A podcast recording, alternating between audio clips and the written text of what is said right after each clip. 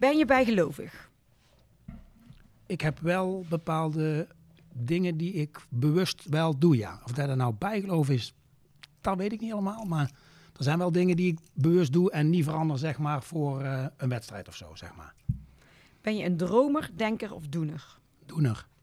Ben je een ochtend- of een avondmens? Ochtend en avond eigenlijk allebei. Maakt me niet zoveel uit. Ik kan er heel vroeg uit en ik kan lang doorgaan. Heb je afgelopen week iets nieuws geleerd? Eh, ja, heb ik wel. Ja, ook met betrekking tot de paarden, zeker. Oh, dat ga je straks maar even vertellen. Ja. Heb je een stopwoord? In mijn lesgeven altijd zeg ik prima als het goed is. Prima, dan gaan we nu beginnen. Ja. We could be here. Leuk dat je luistert naar Horse Heroes. De podcast waarin Floor Schoenmakers van EHS Communications in een persoonlijk gesprek gaat met een hypische ondernemer. Elke week kun je luisteren naar interviews met één of meerdere gasten. Of meeluisteren naar de belevenissen tijdens hypische evenementen in de Horse Heroes Specials. We gaan beginnen. Deze podcast is powered by Global Horse en KNS Clinics op het Nationaal Hippisch Centrum. Samen staan we sterker. Samen met de KNS ben ik een integrale samenwerking aangegaan voor 2024. Hierbij gaan we enkele educatieve activiteiten organiseren door middel van bijscholingen en clinics voor een breder publiek op het Nationaal Hippisch Centrum, zodat iedereen in Ermelo kan komen rijden. De eerste clinic vindt plaats op zondag 3 december met het thema Houding en Zit. Een drietal toptrainers uit Nederland zullen die dag clinics geven aan iedere ruiter die het leuk vindt om meer te leren.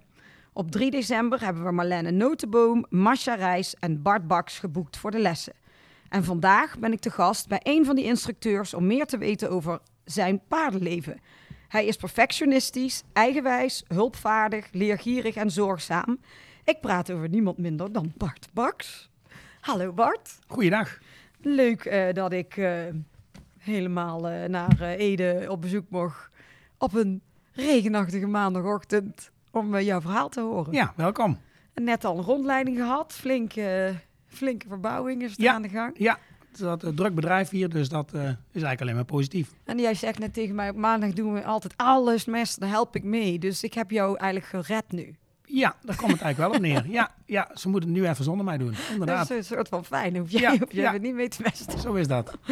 Ehm, nou, Bart, wij eh, zitten natuurlijk bij elkaar omdat jij één eh, van de instructeurs bent voor 3 december. Hè, gaan Mhm. we de, de eerste clinic organiseren dat eh, eigenlijk iedereen die het leuk vindt om meer te leren met een eigen paard of pony naar Ermelo kan komen. Ja. En daar gaan we daar ook nog wat meer over hebben, want ik ben natuurlijk dan wel benieuwd wat zijn jouw eh, specialiteiten daarin. Maar ik denk dat het leuk is om ehm, ook de mensen die meer zouden willen weten over jou of over Mhm. een van de instructeurs, Mhm. wat jouw eigen carrièreverhaal is, hoe het bij jou allemaal is begonnen.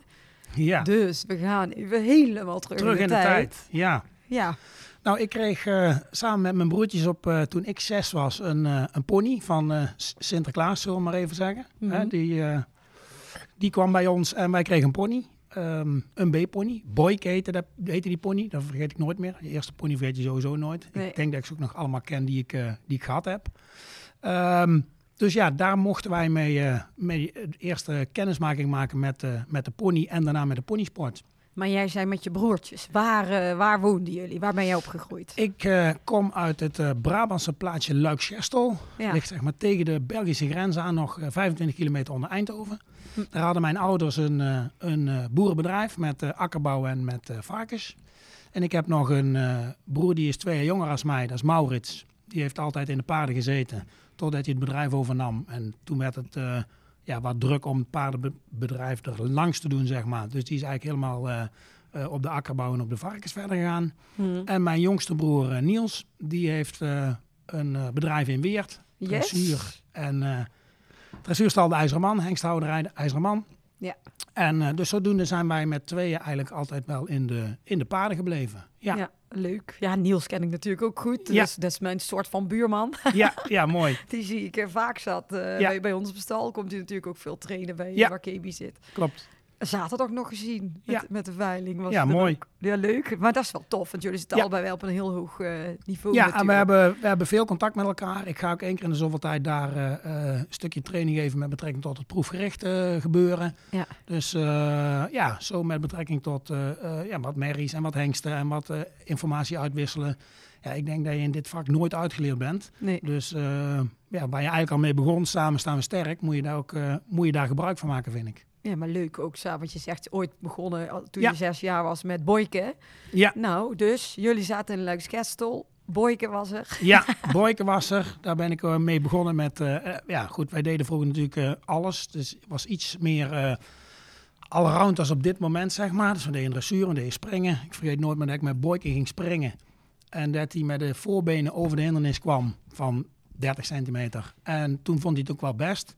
Ja. Dus toen bleef hij staan. Toen moest de balk naar beneden om, dat was, eh, balk naar beneden om weer verder te kunnen. Dat was mijn eerste springervaring. maar goed, dat, eh, die pony was heel braaf. Daar hebben we veel op geleerd. Daarna kwam er een pony eh, die wat meer pit had, wat meer temperament had. Ook daar hebben we van geleerd. En ja, goed, het mooie was, wij konden eigenlijk mooi een beetje doorschuiven van, eh, van oud naar jong de ponies. En zo is het eigenlijk ook gebeurd. Wij gingen op een gegeven moment met, eh, met, eh, ja, met drie ponies op stap. Met mijn vader en mijn moeder. En eh, ja, dat deden we dressuur springen. Toen vroeger nog veel eh, verenigingsdressuur gereden. Veel acht- en viertallen gedaan. Ja. Dus eh, ja, dat is wel een stukje ontwikkeling die ik misschien door omstandigheden en, en, en tijd ook wel eh, heel veel jeugd wel mis, denk ik. Ik heb er heel veel voordelen bijvoorbeeld ervaren aan het verenigingsdressuur. Ja. Hè, wij, als we dan verder kwamen en we kwamen bij de paarden. Mijn vader kocht toen de tijd twee veulens aan bij Frans Morsing. Eh, die werden bij ons opgegroeid. Eh dan gingen we zadelmak maken, dus die gingen rijden. Nou, zo gingen we daar een eigen fokkerij, heeft mijn vader daarmee opgebouwd. Maar vooral die jonge paarden die zeg maar dan op de vereniging kwamen, in de verenigingsdressuur, tussen de vier en het acht al lopen. Ja, daar werden ze wijs van. En nu ja, is dat toch een klein beetje vervlogen tijden. Er zijn toch nog wel gebieden en, en clubs die daar wel heel fanatiek in zijn. Denk ik dat het heel goed is. Hmm. Uh, maar ik heb daar vroeger zeg maar wel heel veel uh, uh, voordeel en positiviteit uit ervaren. Dat die paarden daar toch wel ietsje makkelijker van werden. En ook op concours en op wedstrijden daar uh, profijt uit haalden. Ja. ja, maar wat ik me wel even afvraag. Want jij zei, jullie waren, jij was zes toen, uh, toen Boyke kwam. Ja. Maar hadden jullie papa en mam ook iets met paarden dan? Want... Nee, in principe eigenlijk niks. Mijn vader uh, kwam van vroeger uit, die werkte toen nog met de paarden. Dus die hebben nog wel iets met de paarden gedaan. Maar eigenlijk niet vanuit de sport. Nee, zowel vanuit mijn moeder als van mijn vader niet. Maar vroegen jullie als jongens dan, wij willen een pony? Ja. Oh, echt? Ja. Dus ik denk dat mijn vader ook wel ietsje uh, interessant vond. Want anders had hij dat natuurlijk nooit gedaan. Maar... Uh, ja, wij, wij, wij, wij vonden het leuk. En niet geen voetbal of zo? Nee, dan nee. echt alleen maar nee, alle drie met nooit ponies? nee. Toch typisch wel? Ja, het is wel typisch. Ja. Al, en alle drie? Ja, Alle, drie alle drie alleen maar met die ponies? Ja, ja, goed. Begon met twee. En toen die derde dag mijn vader van nou nog een pony erbij, dat vind ik allemaal prima. Maar toen begon die derde het inderdaad te krijgen over voetbal.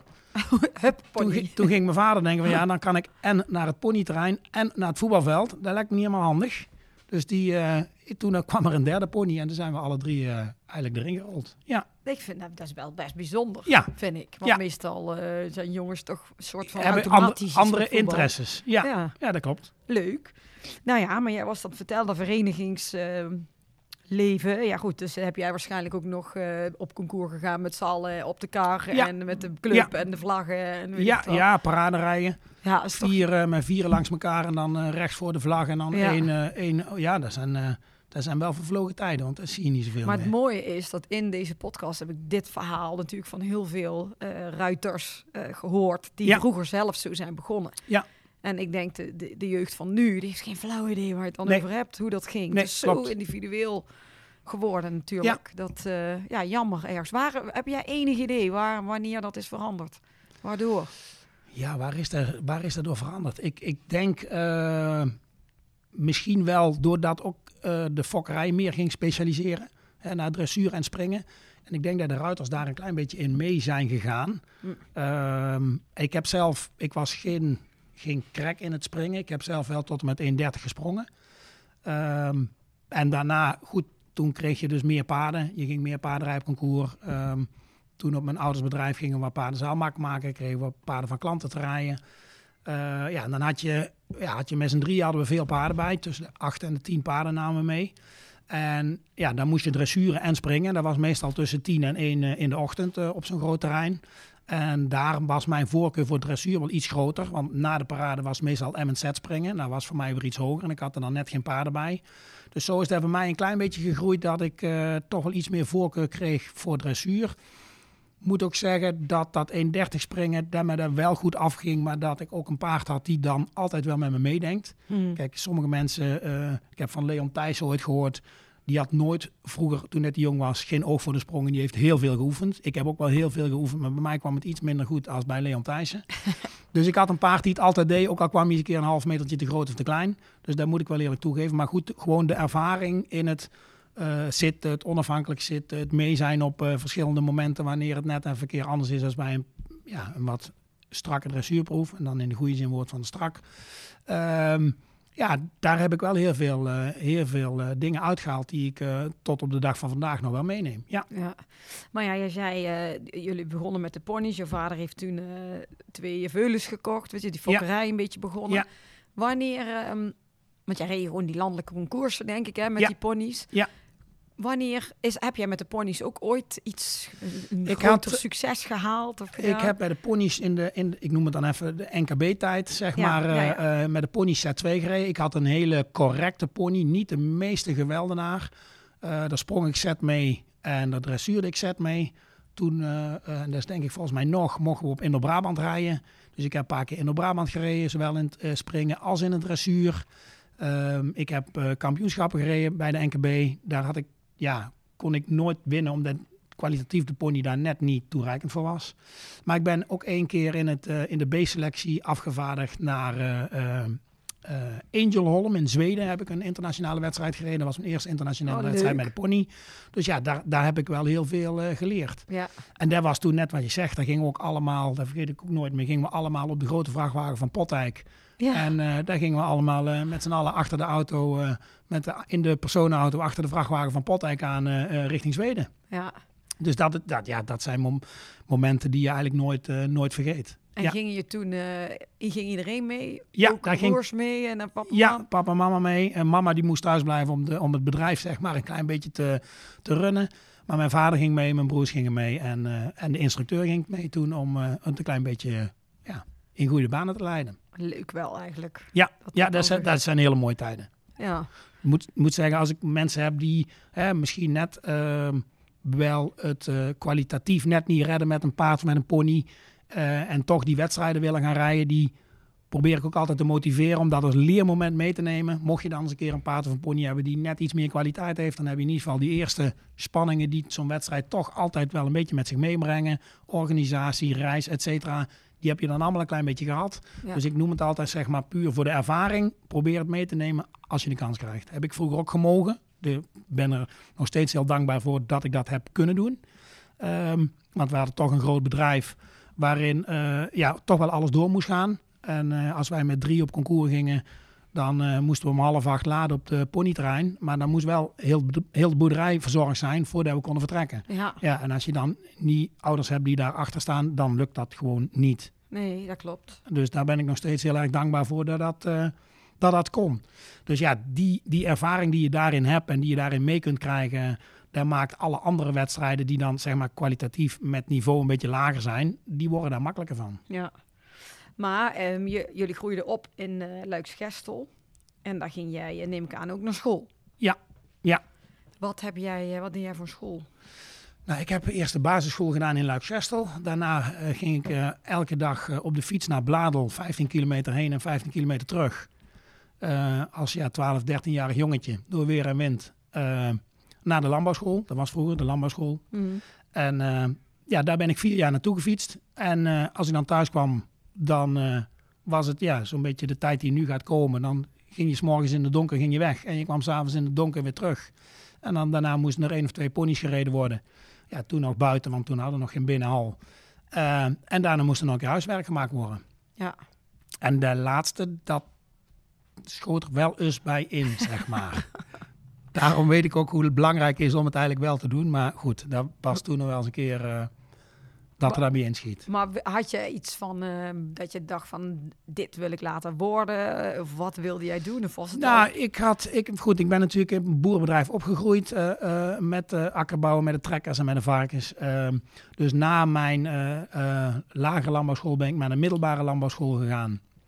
Die heb ik ook afgemaakt op, op niveau 4. Ehm, toen was ik al een beetje bezig met het instructeurdiploma. Eh, dus die heb ik ook allemaal eh, afgemaakt. Eigenlijk nog een beetje in mijn, eh, in mijn schoolperiode. Daarnaast deed ik toen ook nog het chauffeursdiploma voor de vrachtwagen. Nou, dus je Mm. kunt een beetje voorstellen dat er dan ergens iets ten koste gaat van, van alles. Nou, dat was natuurlijk het eerste de school. De rest heb ik allemaal gelukkig wel gehaald. Ehm, maar goed, dat, dat is allemaal wel gelukt. Ehm, na school ben ik op boerenbedrijf begonnen, zeg maar. En eh, ja, goed, daar heb je ook eh, eh, goede dingen en minder goede dingen. En dingen die een keer tegenvallen en een keer tegenzitten. Toen heb ik een keer in, in een zomer, zeg maar, bij ons moesten we, hadden we worteltjes staan. En daar stond onkruid in. Dus die heb ik heel de zomer met mijn neus in zand onkruidgebied. Daar was ook niks ergs, maar goed, dat moest gebeuren. Maar toen op het einde van de rit werden die worteltjes die werden afgekeurd. Er zat een of ander donker plekje op. En daar staat natuurlijk niet zo mooi in de glas als ze bij de hak achter het glas zitten. Nee. Dat gaf verder niks voor de, voor de gezondheid. Maar goed, dat ging dus niet. Dus die worteltjes die bleven zitten. Dus ik denk, nou heb ik heel de zomer mijn eigen apenzuur gewerkt om die worteltjes schoon te krijgen. En op het eind van de zomer heb je nul. Dus toen dacht ik van, nou, ik weet niet of dat ik dat nog wel eens een keer een jaar wil doen, eh, zo zeg maar. En toen ben ik eigenlijk een beetje begonnen samen met mijn vader eh, om ja, paarden uit de buurt te gaan rijden. Ik kreeg toen van eh, Janus Groene, een fokker bij ons in het dorp, eh, een aantal paarden. Daar heb ik Was dit ook de overstap voor jou naar de paarden? Ja. Van de ponies naar de ja, paarden? Dit ja moment? zo'n beetje dat moment. Naar, ja, naar het worteltjesfiasco. ja, noem het maar even zo. Ja, inderdaad, klopt. Dat klopt. Dus toen zijn, zijn we ook bij de paarden gegaan. Toen reed ik die, die paarden van mijn, van mijn vader. Die waren ondertussen vier en die hadden een IBO opgelopen. Dus die ben ik toen over gaan nemen. Nou goed, toen ging er een paar stallen extra gemaakt.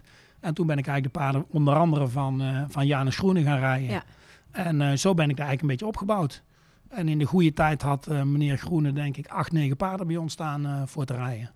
Dus toen ging jij gewoon die paarden... Dan had je jezelf dus wel zo ver ontwikkeld in de dressuur... dat je die paarden... Ja. Ja, toen deed ik ook de dressuur aan springen. Ja. Ehm dat was net ook een beetje de tijd voordat mijn broertje eh, bij Adrie Gordijn eh, begon eh, op de IJzeren. Dus toen Ja. in eerste instantie deden we daar nog samen. zadelmak maken. Hebben we heel veel paarden zadelmak gemaakt samen. Later ook, toen hij mijn broertje nog bij de IJzeren Man werkte, dan ja, in eerste instantie kwam hij, kwam hij elke avond nog naar huis. Deden we nog één of twee paarden s'avonds. Dus we hebben in het begin natuurlijk heel veel samengewerkt. Mhm. En zo is het eigenlijk een klein beetje, klein beetje begonnen. En trainde jij toen zelf ook bij eh, iemand? Ja, ik heb, eh, goed, in, in, in eerste instantie hebben wij getraind bij, zeg maar, bij een, eh, een, een instructeur bij ons uit de buurt. Naarmate dat ik hoger kwam, heb ik bij Tineke Bartels heel veel gelest. Dus bij Academy Bartels ben ik veel geweest. Ehm, nou, dat was ook een beetje de tijd dat ik Krawal te rijden kreeg, mijn eerste Mm. Grand Prix paard. Ja, vertel eens over hem. Nou goed, daar was een, eh, een focus uit een, eh, uit een roemer. Die kreeg ik van meneer Groene eh, te rijden. En dat was als jong paard al best een beetje een opvallend paard. Had heel veel ruimte in zijn lopen. Had een top karakter.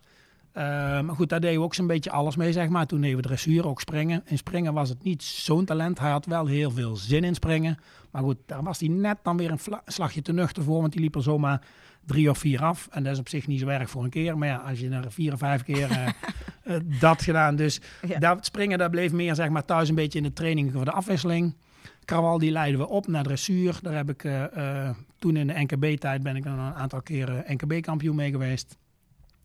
Toen begon het eigenlijk zo'n beetje dat die, die bonden ook een beetje meer bij elkaar kwamen. Toen heb ik in Arnhem nog een keer, op Champion Arnhem was dat toen nog een keer, kwamen de beste vijf van de KNF en de MBVR en de NKB bij elkaar om een kuur op muziek te rijden in zo'n soort showrubriek tussen de internationale rubrieken door.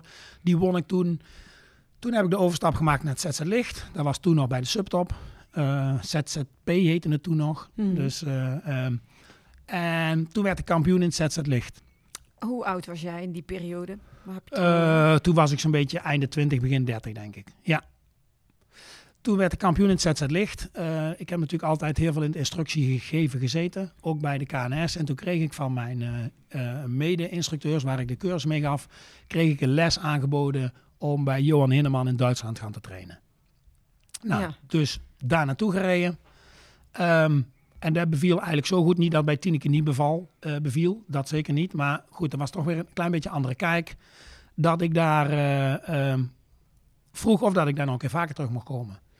Nou, vanaf die tijd ben ik eigenlijk bij Johan eh, eh, gaan trainen, ook met meerdere paarden. Die heeft bij mij toen de tijd ook alles mee een beetje in werking gezet om de overstap naar de lichte en later naar de zware toer te maken. Dus ik moet zeggen, in die periode in Duitsland nam ik ook meerdere paarden mee.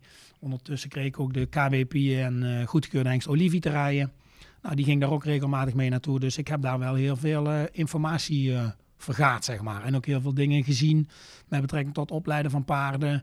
Maar ook weer, ja, noem maar even de Duitse punktligheid. Ja. Hè, wat, wat niet om nou heel de jeugd op één eh, hoopje te gooien, maar wat bij een x aantal eh, mensen dan toch nog wel eens een klein beetje dat laatste stukje misschien wel ontbreekt om een keer door te breken naar de, naar de top, zeg maar. Maar jij zegt net toen jij echt eh hoger niveau ging rijden, was je eind 20, begin 30. Ja. In die hele periode zat je toen nog steeds in Luiksgestel. Ja, ja. Dus je hebt eigenlijk eh, heel lang daar gewoon op het bedrijf. eh, Heel lang op het bedrijf. eh, En dan goed, ik deed hoofdzakelijk de paarden. Maar goed, het rijden, het lesgeven. Als er dan een keer op het land iets was en dan moest ik keer tussendoor, dan ging de overal aan. En dan eh, moesten we even een keer een uurtje of anderhalf naar het land toe. Dus ik was vrij flexibel daarin. Vond Ja. ik ook geen probleem. Dat vond ik ook nog wel leuk werk. Alleen, ik had wel een beetje voor mezelf gedacht dat ik toch in, in paarden mijn eigen wel wat meer in wilde ontwikkelen om daar ook in verder te gaan. En wanneer eh, kwam dan het moment dat je uit Luiksgestel bent vertrokken? Nou ja, goed. eh, je doet natuurlijk steeds meer eh, dingen. Je, je groeide op. Ehm, ik had in het, in het kader zat ik ook met krawal. Eh, maar goed, ja, dan, dan ja, komt er ook een keer een, een tijd dat je moet proberen, in de goede zin van het woord, om op eigen benen te staan. Ja. Ehm, toen ben ik eh, eh, verhuisd, eh, waar ik nu zit, zeg maar, naar Ede toe. Ehm, eh, ja, ik geef natuurlijk veel les. Ik doe veel voor de KNS, ook voor instructie.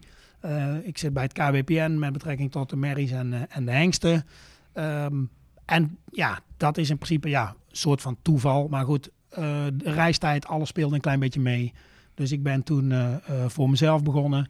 En ik heb hier nu in Ede samen met mijn vrouw eh, zeg maar een kleinschalige eh, dressuurstal. Waar we een aantal paarden oprichten of africhten en opleiden tot met eh, Grand Prix niveau. En ja, het is zeg maar, ik heb mijn eigen altijd proberen heel veel te oriënteren in alles. Dus niet alleen maar op het rijden en niet alleen maar op het rijden voor klanten. Niet alleen op de handel. Het stukje exterieur voor mij bij het KWPN erbij. Het instructie bij de KNS erbij. Ik doe graag opleiden. Zowel van paarden als van mensen. Dus ehm, ik heb daar wel een beetje mijn passie liggen om mensen te leren eh, wat ze moeten doen. En ja, daar kwam een klein beetje erbij uit dat ik eh, ook voor mijn bedrijf dan toch wel een beetje vastigheid had met betrekking tot een stukje inkomen. En daarom heb ik het een beetje, ja, eigenlijk gespreid, zeg maar de risico's een beetje gespreid. En voor mezelf vind ik het heel belangrijk dat ik van alle kanten eh, up-to-date blijf om dingen, zeg maar, te leren. En die ik ook weer door kan geven in, het, in instructie. Ja, dus hoe lang ben jij ver- geleden ben jij vertrokken dan het Luiksgestel? Is nog niet zo. Eh, dat is een jaar of 10, 12 nu, denk ik, daar ben ik bij. ja. ja. En al zit je dus al ja, een jaar of twaalf in Ede. Ja, ja, Ja, leuk wel. ja. Maar jij zegt, eh, ik bedoel, je doet veel bij het KWPN, je bent instructeur ook vanuit de KNS. Wanneer ben jij, wat voor een opleiding heb jij daarvoor gedaan? Nou, ik heb toen, toen ik zeg maar ook nog een stuk op school zat, ben ik bego- begonnen met. eh, Ja. eh, eh, toen heette het nog kandidaat-instructeur, maar dat was niet van niveau 2. Ik heb niveau 2 eh, zeg maar in Son en Breugel gedaan. Daarna was toen de tijd alles in Ermelo. Nu wordt het een klein beetje meer gespecialiseerd, of is het een tijd gespecialiseerd geweest en een beetje gedecentraliseerd. Maar ik heb de opleiding niveau 3 en niveau 4 in, in Ermelo gedaan. Mhm. Daarna ging ik steeds meer lesgeven. Ook daarin mijn eigen proberen bij te scholen en te ontwikkelen. Ik heb later, toen dat, dat eh, kwam, ik ben eigenlijk ook van begin af aan bij de KNS, zit ik in het eh, trainersplatform. Hè, daar zijn ook allemaal dingen waar ik vind dat, je, eh, dat ik het heel prettig vind dat ik daarbij zit om daarin bij te blijven en ook in bij te blijven scholen. Toen ik daar de kans kreeg, heb ik daar ook coach 5 gedaan. Ja. Dus ik heb qua instructeursgebied heb ik eigenlijk alles wel qua diploma's nu wat ik, wat ik graag zou willen hebben. Mhm. Ik heb eh, door de tijd heen ben ik ook eh, eh, de jurycursus gedaan, gedaan. En ik mag nu ook alweer een enkel jaar eh, Grand Prix jureren. Oh, Dus ik, ik kan Grand Prix jureren, inclusief de kuur. Dat is Oh, ook wat ik eigenlijk een beetje zei met betrekking tot cirkeltje. Kijk, wat ik bij het jureren en bij de bijscholing een beetje jureren leer, kan ik weer in mijn lesgeven Ja. helpen om mensen verder te begeleiden. En dat is zeg maar het cirkeltje. Ik zeg wel eens ooit een beetje de onzichtbare rugzak die ik op mijn rug heb. Om van alle kanten eh, eh, dingen te leren die je kunt gebruiken wanneer je het nodig hebt. ja, maar dat is ook wel weer, vind ik wel weer, ook wel weer een stoer verhaal. Dat ik jou hoor zeggen dat je ook toen je jonger was, meteen ook een vrachtwagenrijbewijs ging halen. En Ja. de hele tijd dat, dat nieuwsgierige Ja. om te blijven leren. Dat is wel, Ja, eh, maar dat is in principe nog zo. ja, maar ook op een heel hoog niveau. Dus als jij tot Grand Prix niveau mag jureren, Ja. dat wist ik helemaal niet eens. Ja, Dat je, dat, Dat, dat geeft niet. Nee, maar ik weet hoe Nou, zwaar die opleiding ja. is. En ik moet zeggen dat, eh, dat eh, ja goed, eh, je moet eh, ja, daar ook veel vlieguren in maken. Ook Ja. sowieso voordat je de opleiding sowieso mag starten. Daar wordt best nog een beetje in gescreend. Dat vind ik ook een heel goed, een heel goed standpunt bij de KNS. Maar goed, dan zit je zeg maar, voordat je daar mag, zit je met vier kopstukken een eh, soort van sollicitatiegesprek te houden of dat je wel überhaupt mag gaan jureren. Ja. En ik moet zeggen, dat, dat zijn best nog pittige gesprekken. En dan, dan kom je daar niet doorheen als je niet een bepaalde, eh, ja, laat ik het zeggen, basiskennis hebt om, om daar überhaupt een deel te mogen nemen. Maar heb je het ook veel gedaan? Dat jureren op Ja, doe ik nog. Ja, doe ik nog steeds. Maar ook wel de wereld. Nee, eh, tot nog toe ben ik nationaal jurylid. Ja. En gezien de omstandigheden nu, ik ben, eh, misschien dat je daar wel mee hebt gekregen, eh, sinds kort, eh, dit wordt zeg maar mijn eerste jaar dat ik in de Hengstkeuringscommissie kom. Ja, ja. Dus de jureren hou ik er zeker bij. en ik zeg ook niet dat ik in de toekomst niet voor internationaal wil gaan om te gaan jureren. Maar ik wil nu eerst even dit stukje bij het Hengstkeuringsgebeuren doen. En goed, als ik daar een x aantal jaren gezeten heb en het is me goed bevallen en ik kom daar goed, daar kun je niet eeuwig in blijven natuurlijk. Dat is ook geen probleem. Dan kan ik me eigenlijk daar weer in eh, verder oriënteren om het internationale gebeuren. Ja, want dat wil ik nou natuurlijk ook weten. Hè? Coach 5 ben je een Grand Prix jurylid. Ik bedoel, hoger kan allemaal niet. Grand Prix gereden. Ja, ja, Olympische Spelen moest dan eigenlijk nog. Hè? ja. Even. nou goed, ik heb internationaal Grand Prix gereden. Ik heb in het kader gezeten. nee, dat was een Maar goed, grapje. Dat zijn wel dingen waar je dan, maar dat, dat vind ik wel belangrijk om even te noemen, waar je heel veel in leert. Tuurlijk. Ik heb bij eh, chef Jansen mogen trainen toen de tijd in het kader zat. Ja. Ja, er zijn dingen die ik, nou dagelijks is het misschien overdreven, maar wel wekelijks nog een keer in een les terugkom dat ik denk van hé, dat had ik toen en toen daar ook. En Ja. dan kan ik hier weer gebruiken. Ja. Ik, ja, ik, maar ik wil eigenlijk weten, want je zegt net, hè, je hebt een soort onzichtbare rugzak van dingen die je in het Mhm. jureren ziet, die je in je lesgeven weer eh, kan gebruiken. Mhm. Ehm, kun je een voorbeeld noemen van iets? Ja, nou, ehm, ehm, ja, gewoon heel simpel op, op, op laag niveau. Als ik schouderbinnenwaarts moet rijden van K naar E en ik moet bij E een volte maken. En dan, voor mij part daarna, des maar op M-niveau en op Z-niveau moet ik uit die volte weer een appiëment rijden. Nou, ik zie nog wel eens op in lagere klassen, ook bij mensen die nieuw zijn, of in een clinic, die rijden schouderbinnenwaarts van K naar E. Dan stellen ze hem recht en dan ze de volte in. Ja. Ja, in principe als de oefening van K naar E is en die stopt bij E, je moet bij E een volte rijden, rij je vloeiend vanuit je schouderbinnenwaarts de, De volte in. in. Ja. Ja. en dat is zeg maar het stukje waar ik in het jurylid van het jureren weet. Daar kan je weer meenemen op het moment dat je mensen in de les hebt om dat stukje proefgericht weer mee te nemen. Ja, ja, wel leuk, want dat is het, want je zit, en, maar je, je doet zelf en rijden en jureren Ja. en trainen. Wat vind je Ja. het leukst? Ehm, ja, wat vind je het leukst? Ik word natuurlijk iets ouder. Het rijden vind ik nog steeds leuk. Dat, vind ik ook, dat wil ik ook gewoon blijven doen. Zeker omdat we nu eh, toch weer een koppeltje fijne jonge paarden hebben eh, waar ik weer mee verder kan. Ehm tuurlijk is mijn ambitie nog steeds om weer een keer in de Grand Prix te komen. Alleen ja, goed, het is natuurlijk gezien de huidige tijd met eh, eh, kwaliteitsvolle paarden, eh, handel, verkoop, eh, wordt allemaal niet makkelijk van. Ik kan niet even een, een potentieel lichte toerpaard kopen waar ik dan daarna even mee Grand Prix ga rijden. Zo, zo, zo rooskleurig is het ook allemaal nog niet. Maar die ambitie heb ik zeker wel. Als het op mijn pad komt, wil ik dat ook zeker. Maar ik vind toch wel het, het begeleiden van mensen, het instrueren van mensen op elk niveau naar een hoger niveau wel belangrijk. Het stukje management eromheen, je kennis vergaren daaromheen.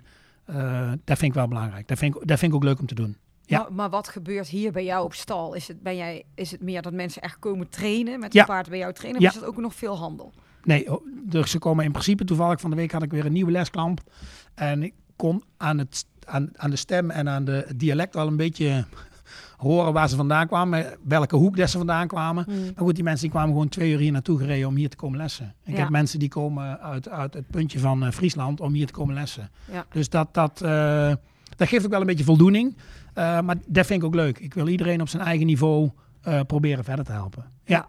Ah, leuk. Nou ja, ik, ik probeer, ik wou straks al dat stuk van de KWPN weten, maar dan kwamen er weer allemaal andere vragen. Want dat zit je nou ook te vertellen. Ik heb jou volgens mij, waar, waar was ik in België, zo voor de Pavo Cup. Ja. Toen was jij daar ook al in Ja. jureren. Ja. Want dus naast dit hele stuk eh, met gewoon op het hoge niveau Mhm. dressuur, dus het stukje met, met de hengsten en de jonge paarden Ja. en zo. Ja. Hoe is dat gekomen?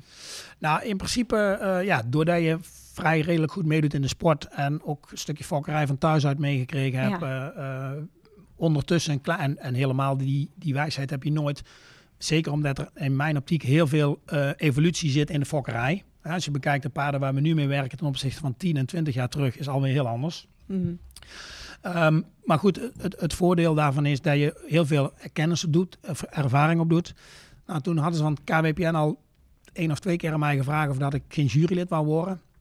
Maar toen was ik nog heel druk in het rijden en toen, eh daar ben ik nu nog, maar minder qua aantal. Mhm. Ehm, en toen vroegen ze het voor mij voor de derde keer. En toen denk ik van, als ik iets wil, en ik word natuurlijk, je wordt ouder en je kunt niet blijven, ja, natuurlijk kun je blijven rijden, maar ik wil niet, ik wil zolang het er netjes uitziet, wil ik blijven rijden. En als het er niet meer netjes uitziet, dan komt voor mij de tijd om netjes te blijven trainen en dan neem ik afscheid van de wedstrijden. Ja. Dat hoop ik voorlopig nog niet dat dat zo is. Maar eh, toen dacht ik van als ik verder wil, dan moet ik daar wel een keer instappen. Dus toen ben ik daar eigenlijk ingestapt. Heb ik eh, intern bij het KWPN eh, daar een opleiding in gevolgd. Ben ik gaan jureren. Ben ik regio-inspecteur geworden. Ja goed, en dan, eh, ik had geluk dat ik eh, inspecteur was eerst van eh, Gelderland. Dat is een grote provincie, heb je veel keuringen, zie je veel paarden. Ja. Dus dan, dan, dat is ook zoiets, ja, je moet het gewoon veel doen. Veel doen en vaak doen. En zo ben ik er eigenlijk een beetje ingerold. Ook met het jureren, zeg maar. ehm E-bops eh, eh, jureren, jonge paardenrubrieken jureren, basisgangen bekijken, beoordelen. Ehm, ja, daarna kwam eh, het stukje hengstencompetitie. Ik heb een aantal jaren de hengstencompetitie gejureerd. Eh, de finale in de bos gejureerd, samen naast bijvoorbeeld een uh, Mariette Sanders. Ja. Ja, dat buiten het feit dat je zelf natuurlijk best een beetje impact hebt, is dat ook nog toch nog wel een stukje leermoment waar ik dan toch wel weer meeneem. Kijk, de, Mariette zit eh, Olympische Spelen, dus er zijn toch wel juryleden waar je in de goede zin van het woord tegen opkijkt. In ieder geval probeert ook daar weer kennis in te vergaren. En Ja. Eh, zeker de laatste keer hadden we toch nog wel best een, een positieve discussie met bepaalde dingen. En dat maakt het nog wel wat mooier, zeg maar. Ja, maar dan heb je ook, eh, dat, daar heb je die keuringen gedaan. Dan zei je, nou word je, nou, hoe heet je het? Ben je of opgenomen voor de Hengstcommissie? Voor Nou, in principe ben ik, eh, ja, heb ik nu zitting in de, keuring, Ja. in de Hengstkeuringscommissie. Ja, Dat is ook wel gaaf. ja, ja. Heb je daar zin in? Ja, zeker. Het is weer een nieuwe uitdaging. Het is op zich natuurlijk niet heel veel anders dan bij de merries. Alleen, ja goed, de belangen zijn vaak nog een beetje groter. Ehm, maar ik heb daar wel zeker heel veel zin in. Ja, Daar snap ik ook wel weer. Ook weer, eh, dan begin je juist weer met, met jonkies eigenlijk allemaal. Ja, leuk. ja goed. En dat, dat is ook met wat ik in de merries eh, ook wel heb gezien. Ehm, paarden die zeg maar los bewegen en los eh, in, in de kooi dan zeg maar eh, stap eraf galop laten zien. Die ik zelf beoordeeld heb, hoge punten heb gegeven in het verleden. Die komen dan een jaar later terug voor een IBOP onder het zadel. En dan is dat toch eigenlijk minder rooskleurig als dat het los leek. Dus zo moeilijk is het dus. Ja. In omgekeerde volgorde ook, zeg maar. Paarden die net met 75 slagen voor beweging een sterpredicaat halen. En het onder het zadel heel goed doen, heel goed oppakken. En zeg maar met eh, eh, 80 pluspunten voor een IBOP slagen. Dus zo moeilijk is het ook om, om, om te zien en om te voorspellen wat het wel en wat het niet kan. Ja. En zo moeilijk is het ook om door een paard heen te kunnen kijken. Ja. Eh, Ja, wat ik wel zeg maar in de, in de functies die ik heb altijd eh, probeer te doen. En dat lukt tot op heden nog steeds goed. En dat wil ik ook zeker zo houden. Is zorgen dat ik de juiste pet op heb bij de juiste functie. Ja. ja, snap ik. En alles wat je doet, met name ook met jonge paarden, competities, e-bops, het is een momentopname. En dat moment, wat ik dan zie, geef ik dat punt aan en dat kun ik, kan ik beargumenteren. Ja, maar dat lijkt me vooral met zo'n hengstekeuring Ja. eh, heel moeilijk. Ja. Omdat ik zelf natuurlijk ook wel vaker heb Ja. gezien hoe dat gaat met die hengsten die het dan thuis geweldig doen. En Ja. dan in zo'n ring misschien even over Ja. de 100 zijn. En dan is dus die momentopname. Kijk, en daar zijn natuurlijk zeker ook bij zo'n. Daar, daar is, het is niet alleen het optreden in de kooi. Is, alles wordt van tevoren heel goed uitgeplozen qua lijnen, qua eh, eh, ehm, moederlijnen, wat voor sport erin zit. Ja. Dan is natuurlijk het exterieur dat we daar eh, uit, bekijken. Kijk, dus het is niet... ehm, hè, ehm, in het verleden zat ik ook wel eens een keer op de tribune en dan zeggen ze wel zoiets van god, eh, eh, hoe kunnen ze nou zo'n hengst eh, bijvoorbeeld niet nemen en waarom mag die nou wel en waarom mag die nou niet door? Nou, dat is zeg maar waarschijnlijk informatie die de hengstkeuringscommissie al wel heeft, bijvoorbeeld van een moederrapport, wat niet zou kunnen. Hmm. Ik verzin maar even iets. waardoor zo'n hengst als sportpaard misschien best heel goed is. En zelf op dat moment ook wel heel goed is. Maar het genetisch zo kan zijn dat er zeg maar een, ik noem maar even, een afwijking in de moederlijn zit. Die zo'n hengst door kan geven. Waardoor dat die niet verder komt met betrekking tot goedkeuring. Ja. Kijk, en dat is iets anders dan alleen het plaatje aan de buitenkant zien waar je ziet in de kooi. En hoeveel jaar ben jij eh, betrokken bij die keuringen, IBOP, eh KWPN nu? Eh, ik zit voor het KWPN. Nu moet ik even goed denken. Ik denk een jaar of 7, 8 nu. Dat ik de, de, de keuringen doe en de stamboekeuringen, de IBOP-testen. Maar goed, je zegt al vroeger, jouw vader, eh, daar was al een stukje in de fokkerij. Dus je hebt Ja. het wel heel lang gezien. Ja. Hoe, hoe vind jij, wat, wat is nou een grote verandering geweest in de fokkerij? Nou, met name de specialisatie. Ja. Hè, en eh, ehm, ik zeg al, vroeger deden wij ehm, bijvoorbeeld weer uit, uit de stam van, eh, van meneer Groene.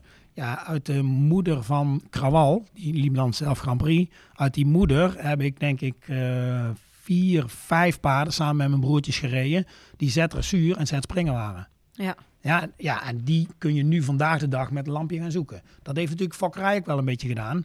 En ik zeg niet dat dat per definitie slechter is. Alleen ehm, waar we op moeten blijven letten is zeg maar dat we wel, eh, als we kwaliteit willen fokken, natuurlijk willen we voor, de, voor kwaliteit. Ja, maar en we moeten wel zorgen dat die paarden die dan misschien net de laatste kwaliteit niet hebben, wel zeg maar eh, voldoende functionaliteit hebben bij onze, onze Ja. ruiter. ja. Nou ja, leuk wat jij eh, allemaal doet Ja. en leert. En eh, Ja. nou, ik vroeg bij jou in de intro, heb je deze week, eh, heb je afgelopen week nog iets geleerd? Ja, zei ja, jij, klopt. Ja. Nou, ik geef dus ook les in, in Eres, Eres Hypicentrum in uh, Kootwijkerbroek. Daar doe ik de instructie voor dressuur en de sportopleiding. Eh daar geef ik ook de theorielessen, de, rij- de theorielessen over de rijtechniek.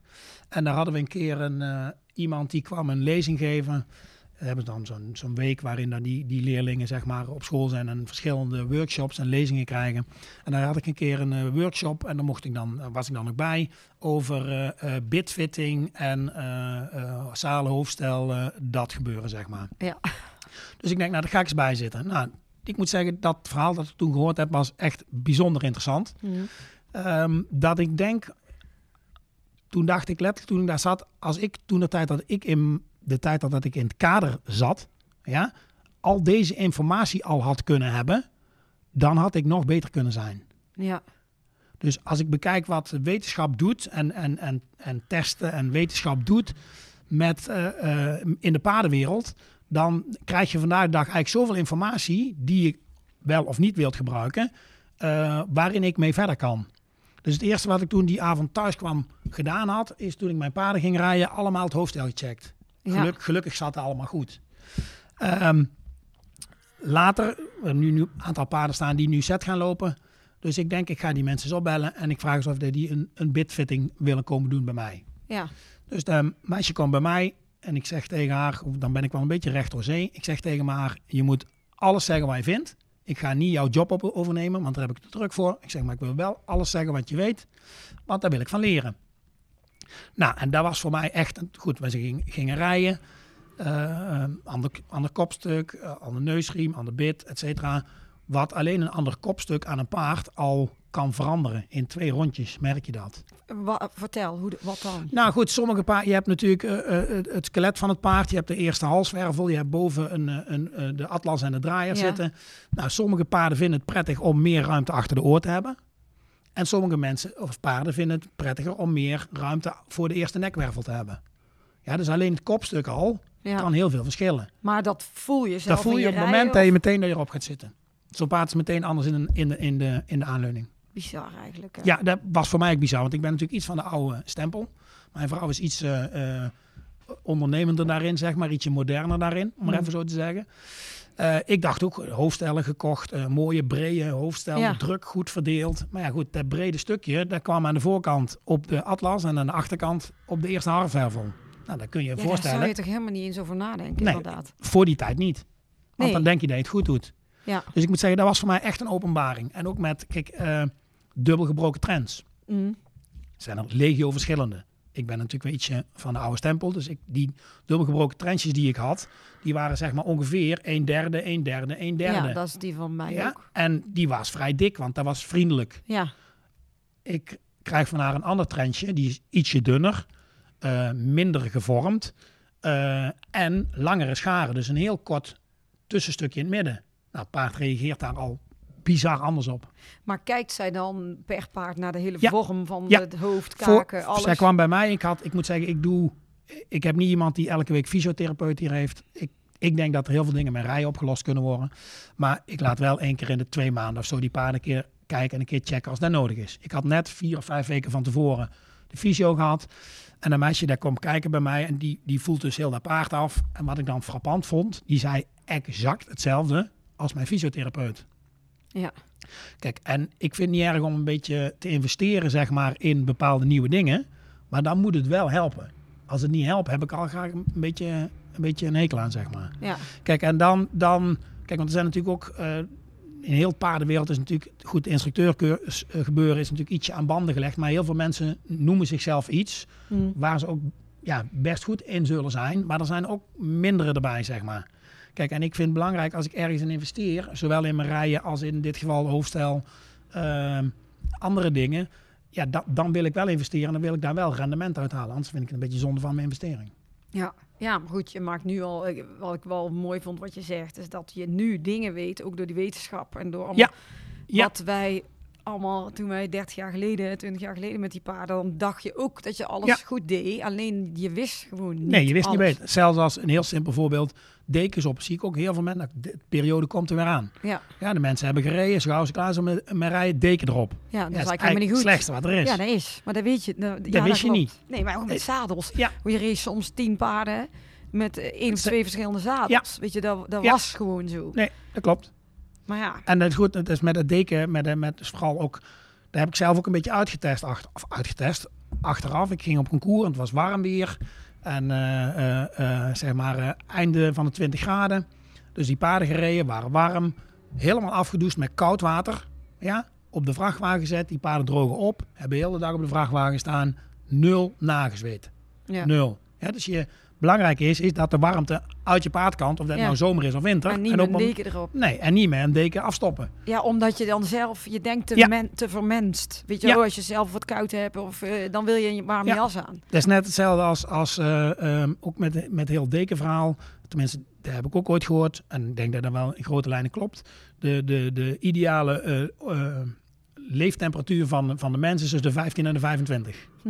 Ja, dat is bij een paard dus de min 5 en de plus 5. Nou, als je dat al in je gedachten meeneemt, Ja. ja, precies. tuurlijk zitten er verschillen. En de een paard heeft het eerder koud en de andere kan het... Dat is allemaal zo, heb je met mensen ook. Maar alleen die beleveniswereld, als je daar al een klein beetje van uitgaat, dan kun je al door, ja, door logisch na te denken, kun je best al heel veel dingen. eh, Ja, maar dat zijn ook wel allemaal dingen die je nu allemaal weet. Ja. Dat was Ja. eerder niet zo en dat bekend. probeer ik ook uit te dragen. Ja, dat is, ja. Ehm, er is ook altijd eh, een liedje in de podcast. ja, klopt. Ja.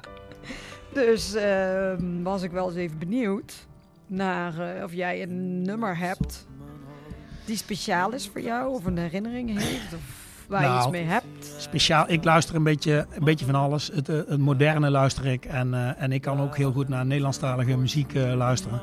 Maar toen jij die vraag aan mij vroeg, denk ik van, nou ja, wat, eh, wat, moet ik nou eigenlijk kiezen? Ja, en omdat ik eh, natuurlijk alweer een tijdje hier zit, eh, eh, in het midden van het land. En eigenlijk ook door heel het land een beetje lesgeef. En, en, eh, en dingen doen met betrekking tot keuringen en alles.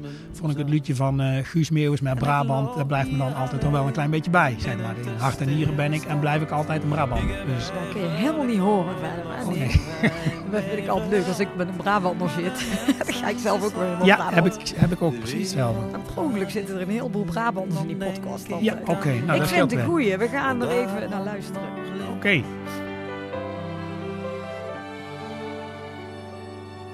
Ik mis hier de warmte van een dorpscafé. De aanspraak van mensen met een zachte G. Ik mis zelfs het zeiken op alles om niets. Was men maar op Brabant zo trots als een Fries. In het zuiden vol zon woon ik samen met jou. Het is daarom dat ik zo van Brabanders hou. Ik loop hier alleen in een tusstere stad. Ik heb eigenlijk nooit last van heimwee gehad. Maar de mensen ze slapen, de wereld gaat dicht. En dan denk ik aan Brabant, want daar brandt nog licht.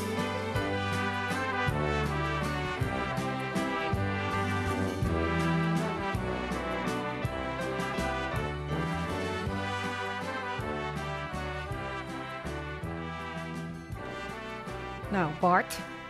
Nou, eh waar heb je weer heimwee zeker? Nou, heimwee niet. Ehm, maar ik vind het altijd wel. Ik, ik kom graag in Brabant. En eh, ik ken natuurlijk de Brabantse mentaliteit. En eh, dat is niet om andere provincies eh, af te doen. Maar ja, je- er zit wel gewoon verschil in. Dat is makkelijk zat. Ja, daar, Maar dat- ik, eh, dat is, ik, eh, I agree, I agree. ik kan niks anders zeggen dan dat ik dat ook zo vind. Ja, Ehm, maar wij gaan eh, over eh, een aantal weken een eh clinic organiseren ja, in Ermelo. Waar jij eh, natuurlijk veel komt. Ja.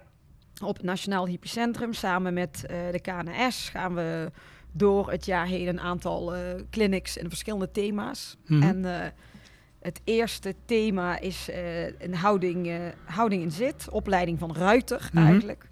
Zijn drie instructeurs, jij, Marlene Notenboom en Marcia Reis. Ja. En eigenlijk mag iedereen die eh, een paard, een eigen paard of een pony heeft, of kan lenen Mhm. of net wat, gewoon iedereen die dat leuk vindt om mee te rijden, kan, eh, is welkom in Ermelo. De deuren gaan open voor een eh, groter publiek. Ja. Dat is de bedoeling. En dat die ook Prima. echt bij Nederlandse topinstructeurs een keer de mogelijkheid hebben om, Ja. om te kunnen lessen.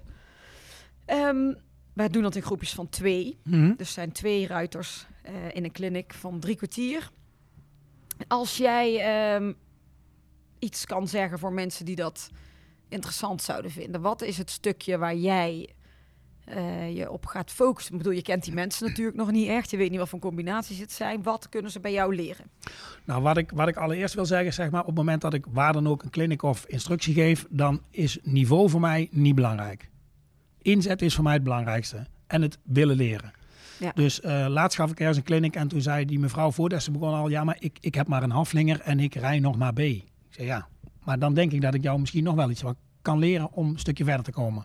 Dus ik vind het belangrijk dat de mensen willen leren. En ehm, wat in mijn les vaak en wel veel terugkomt, is toch wel een beetje de theoretische achtergrond.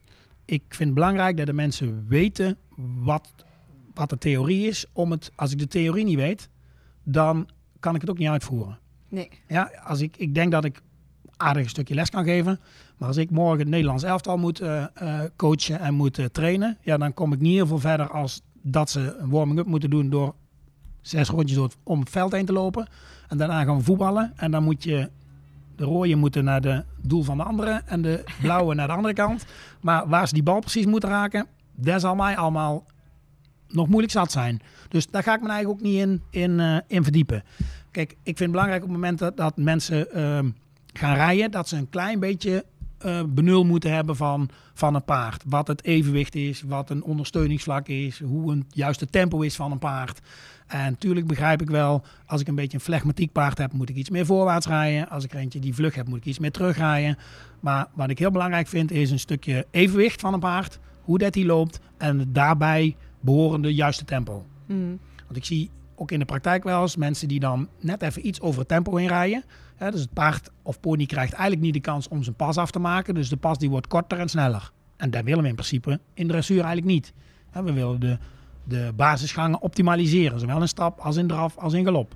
Kijk, en doordat ik dan misschien een slagje langzamer rij, waardoor dat het paard meer tijd krijgt om die pas af te maken, heb ik al een hele andere drafpas. Ik een heel ander evenwicht.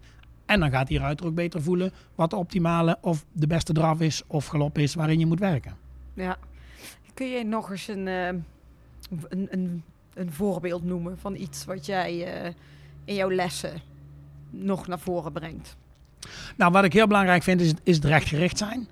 Ja, ehm, paard is natuurlijk een, gebouwd in een wigvorm, is voor iets smaller als achter. Eh, dus de meeste paarden, zeker jonge paarden, naarmate dat ik verder afgericht ben, gaan die meer in evenwicht lopen. En eigenlijk waar ik al begon, het ondersteuningsvlak wordt dan kleiner en wordt dan smaller, zeg maar.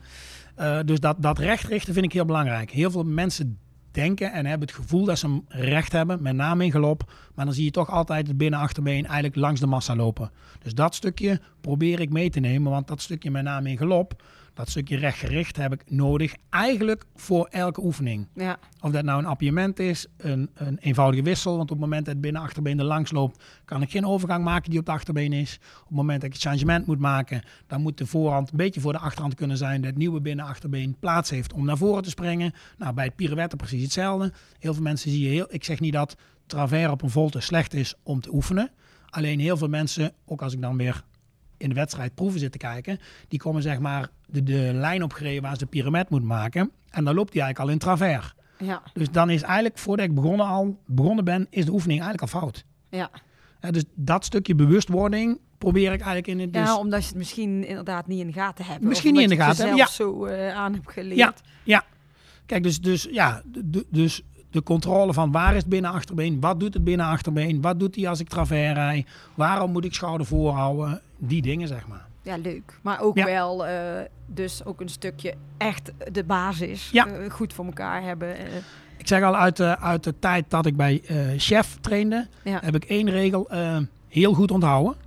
Daar heb ik ook op mezelf teruggeprojecteerd toen ik aan het rijden was. Nog dagelijks. En ehm, dat klopt eigenlijk altijd. Het is één hele simpele regel. Didactisch misschien niet de meeste, meeste goede term. Maar ik, neem letterlijk de term over die chef toen tegen mij zei. Hij zei, als iets niet lukt, dan werkt of de gas niet, of de rem niet. Dus hij zegt, als iets niet lukt, dan is die of niet aan je been, of hij komt niet terug op je ophouding. Nee. Nou, als ik in een pirouette zit en die wil niet draaien, dan komt hij niet terug op mijn ophouding. Als ik in mijn pirouette zit en die draait te snel door naar binnen, dan is hij niet aan mijn been. Ik verzin maar even iets. En dat komt eigenlijk altijd wel terug. Dus het wordt zeker niet simpel. Alleen je moet wel vanuit het, Ja, maar het, het, is het wel, simpele eh, denken. wel mooi eh, als je het inderdaad zo dat simpel uitlegt. Weet je, Ja. in Jip en Janneke. Dat je Dat dat, probeer- ook kan denken van, oh ja. Dat probeer ik altijd te doen. Dat ik, misschien, ja, ik vind het een beetje rot om van jezelf te zeggen waar je goed in bent.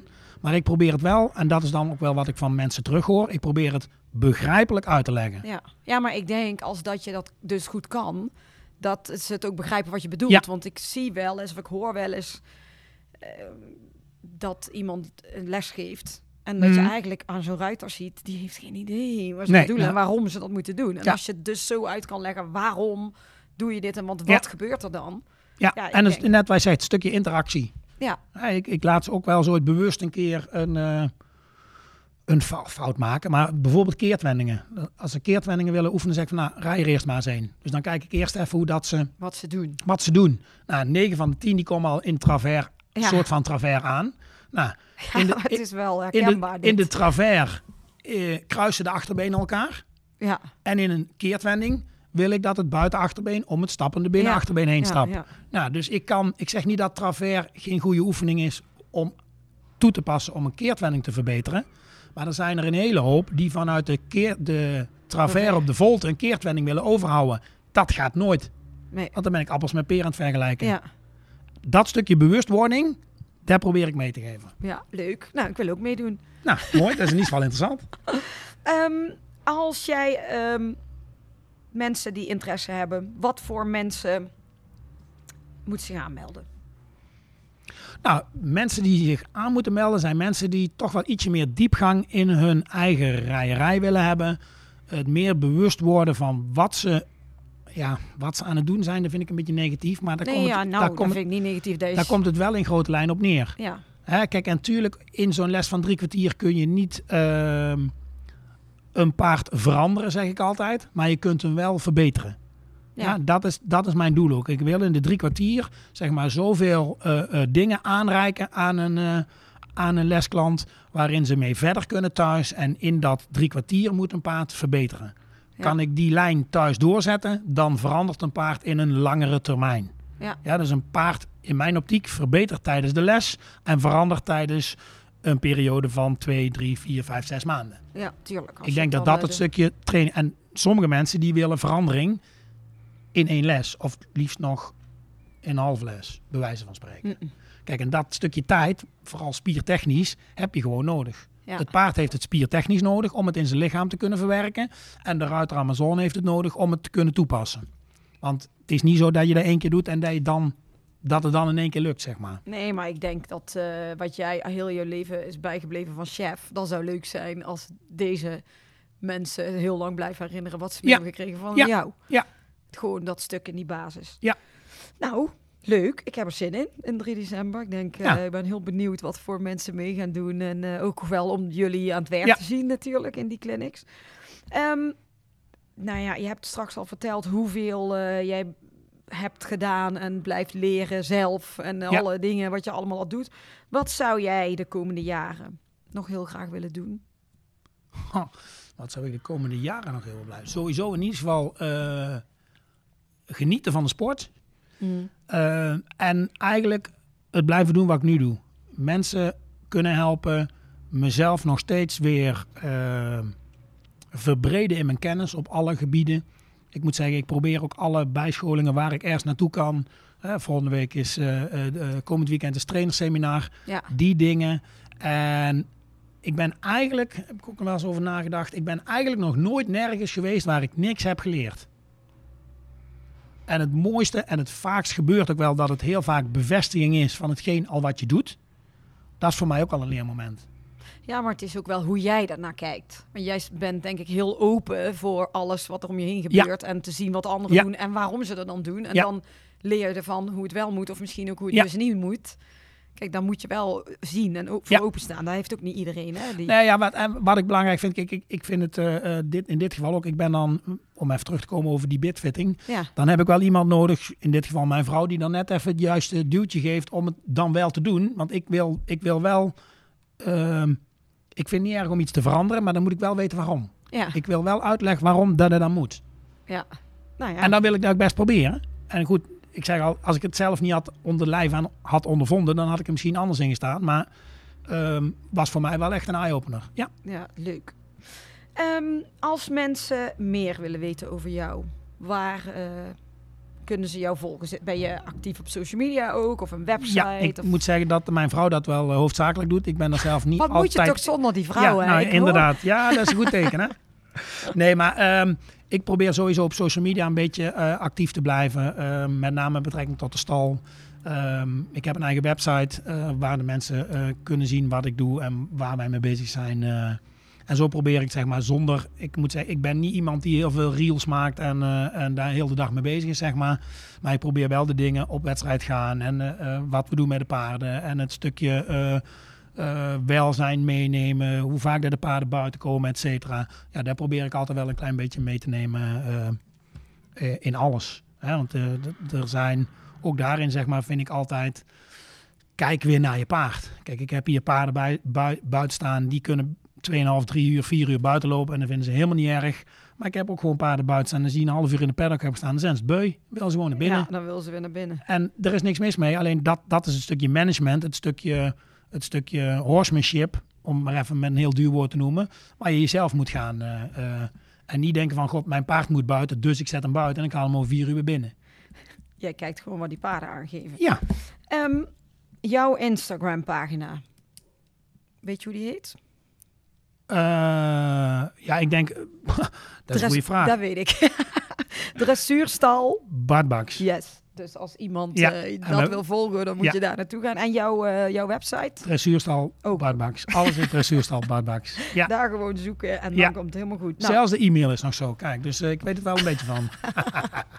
nou Bart, super bedankt voor jouw verhaal. En ehm, ik heb zin in, in, die, in, die, in die dagen op 3 december. Ja. En degene die met jou gaan lessen, ik ben benieuwd wat ze er achteraf van vinden. En super bedankt voor jouw tijd. Graag gedaan. Ik heb er ook zin in. En eh, ja, nogmaals, ik sta op om de mensen, ieder op zijn eigen niveau, zoveel mogelijk eh, eh, informatie en wijsheid te leren. Ja. Weet je wat ook leuk is? Nee? Jij bent mijn honderdste podcast. Kijk, nou, dan ik me net te bedenken. hebben we niet wel een speciale editie. 100. Kijk. 100 verhalen gedaan. Kijk, Dat nou, wat, gefeliciteerd. Ja, Mooi. denk ik me nou in één keer als ik deze online ga zetten. Kijk, Hey Bart, super bedankt. En eh, ik zie jou eh, in december. graag gedaan. En eh, tot de volgende keer. Tot de volgende keer. We could be